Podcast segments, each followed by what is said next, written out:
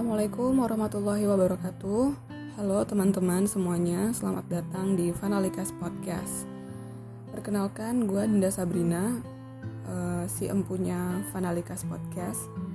Alhamdulillah sekarang gue punya tempat baru, wadah baru untuk numpahin isi kepala selain blog, Instagram, atau Insta Stories atau Facebook karena uh, beberapa sosial media tadi itu yang biasanya gue pakai untuk ngalor ngidul atau ngetes seberapa tajam sih analisis dan hasil pikiran gue tentang suatu peristiwa atau isu.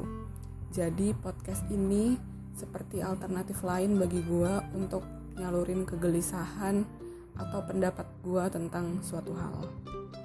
Sebelumnya, uh, gue minta maaf kalau misalnya suara yang terdengar di sini itu masih rada noise atau kresek-kresek atau nanti ada tiba-tiba suara motor lewat atau suara anjing atau suara anak-anak yang lagi main. E, karena podcast ini gue buat dengan alat yang seadanya banget dan di tempat yang seadanya banget juga. Gue ngerekam pakai handphone tanpa melewati proses editing sama sekali. Paling ya proses editingnya itu cuman nempelin sound in atau sound out aja gitu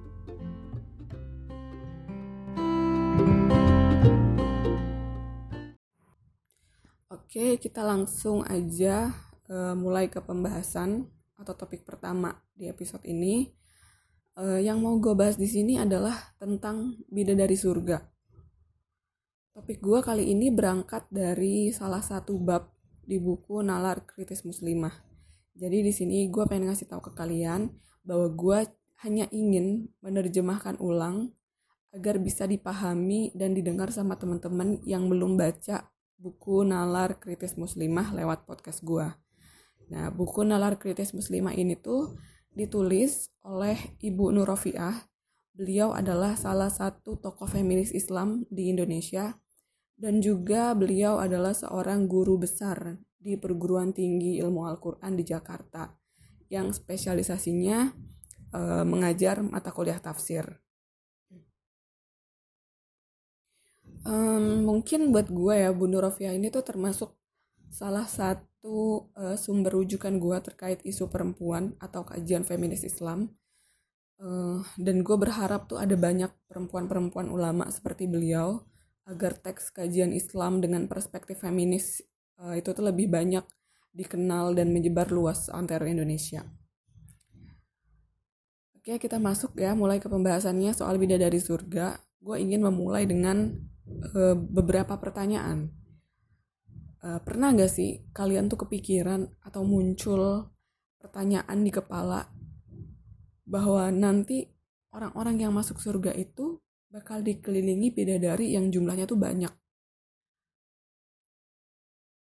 Bidadari. Berarti kalau misalnya selama ini perspektif masyarakat bidadari itu dianggap sebagai perempuan, berarti secara nggak langsung bidadari itu yang ada di surga buat laki-laki dong. Karena kan kita menganggap selama ini bidadari itu perempuan kan. Nah, terus perempuan yang ada di surga dapat apa? Terus kalau misalnya perempuan uh, punya suami, perempuan itu punya suami, suami kita sama bidadari-bidadari itu dong. Terus kita perempuan apakah jadi salah satu dari banyaknya bidadari itu? Kalau iya menjadi salah satu dari banyaknya bidadari, berarti kita melayani laki-laki dong di surga. Pernah gak sih kepikiran kayak gitu? Perempuan kalau misalnya jadi bidadari berarti melayani laki-laki karena kan narasi yang beredar soal bidadari surga itu melayani orang-orang yang masuk surga kan berarti secara langsung melayani laki-laki terus uh, kalau dipikir-pikir kok rada nggak adil ya untuk perempuan? Nah jujur aja dulu gue tuh sempat berpikir begitu. Kok Islam nggak adil sih sama perempuan? Apa iya? Perempuan nggak dapetin nggak bisa gitu nggak dapetin kenikmatan yang sama di surga. Nah sebelum ke arah sana sebelum menjawab itu semua gue ingin uh, bertanya lagi sama kalian soal surga jadi sebenarnya surga itu apa sih surga yang digambarkan tempat uh, bersemayamnya para bidadari gitu. Nah, gambaran tentang surga itu yang bagaimana sih sebenarnya?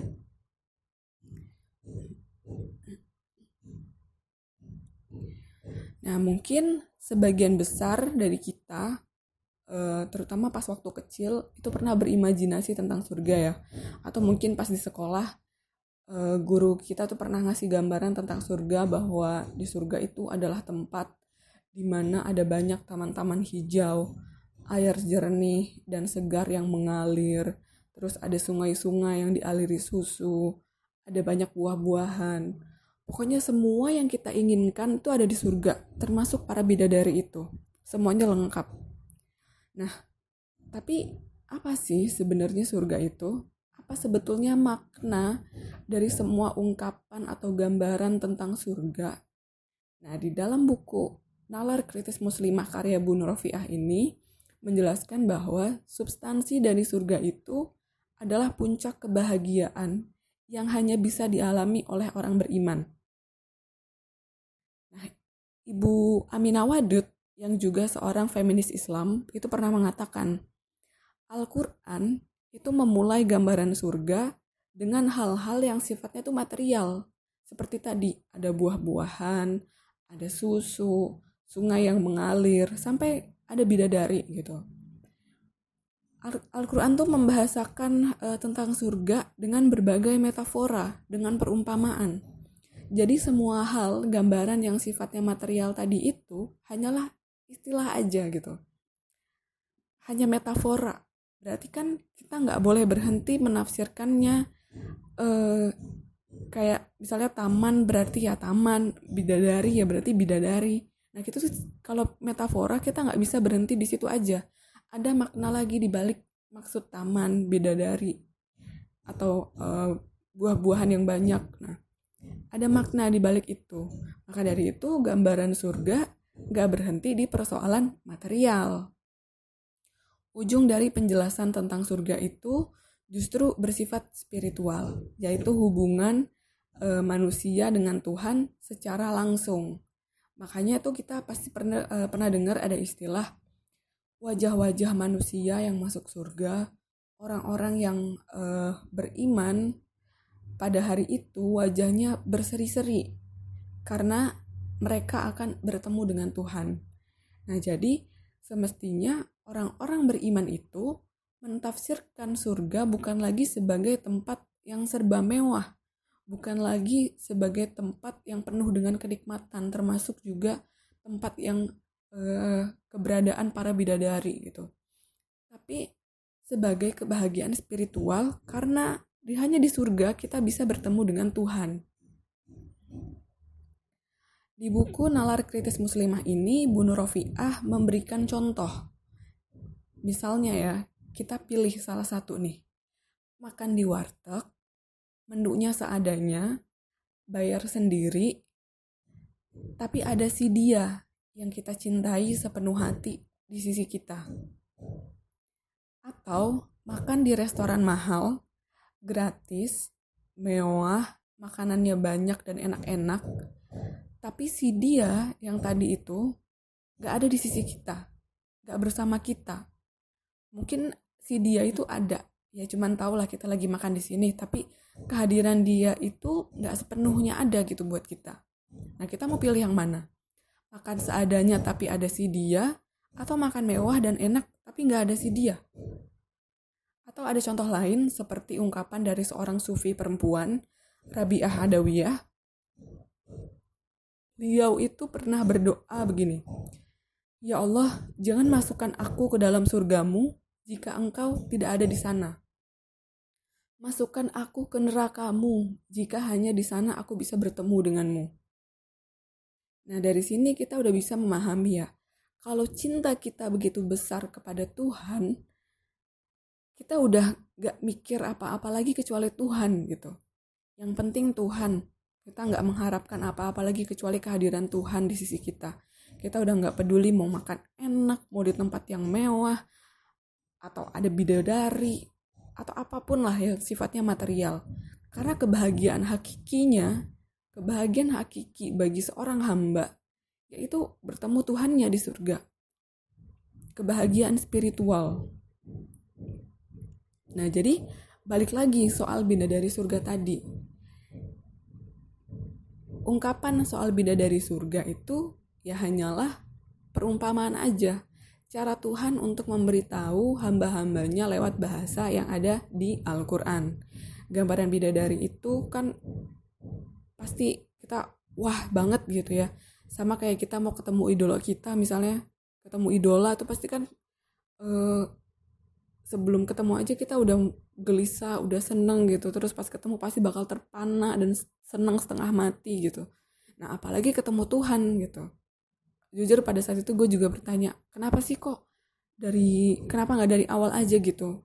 Allah kasih tahu bahwa surga itu kebahagiaan spiritual. Kenapa nggak pakai bahasa yang terus terang aja gitu?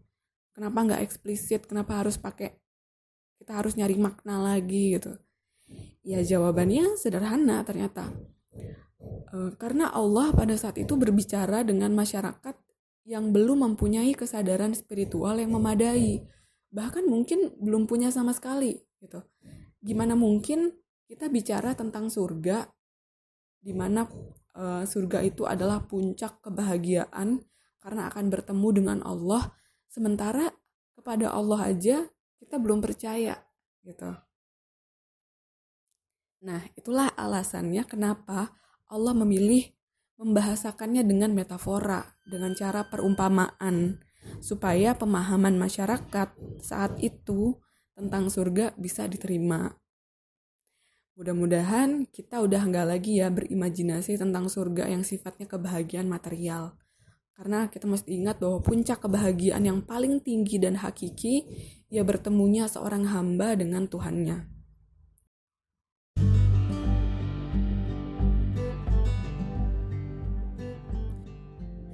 Oke, gue rasa sekian dulu pembahasan di episode kali ini. Semoga apa yang gue sampaikan tadi bisa bermanfaat dan syukur-syukur menambah wawasan dan khasanah ilmu pengetahuan kita. Kalau ada saran, kritik, atau komentar bisa langsung sampein ke gue lewat DM Instagram di Dinda Sabrina atau kalau mau sekedar diskusi juga bisa langsung DM aja. Dan uh, akhir kata makasih banyak udah dengerin. Semoga setelah ini ada episode-episode lanjutan. Assalamualaikum warahmatullahi wabarakatuh. Bye bye.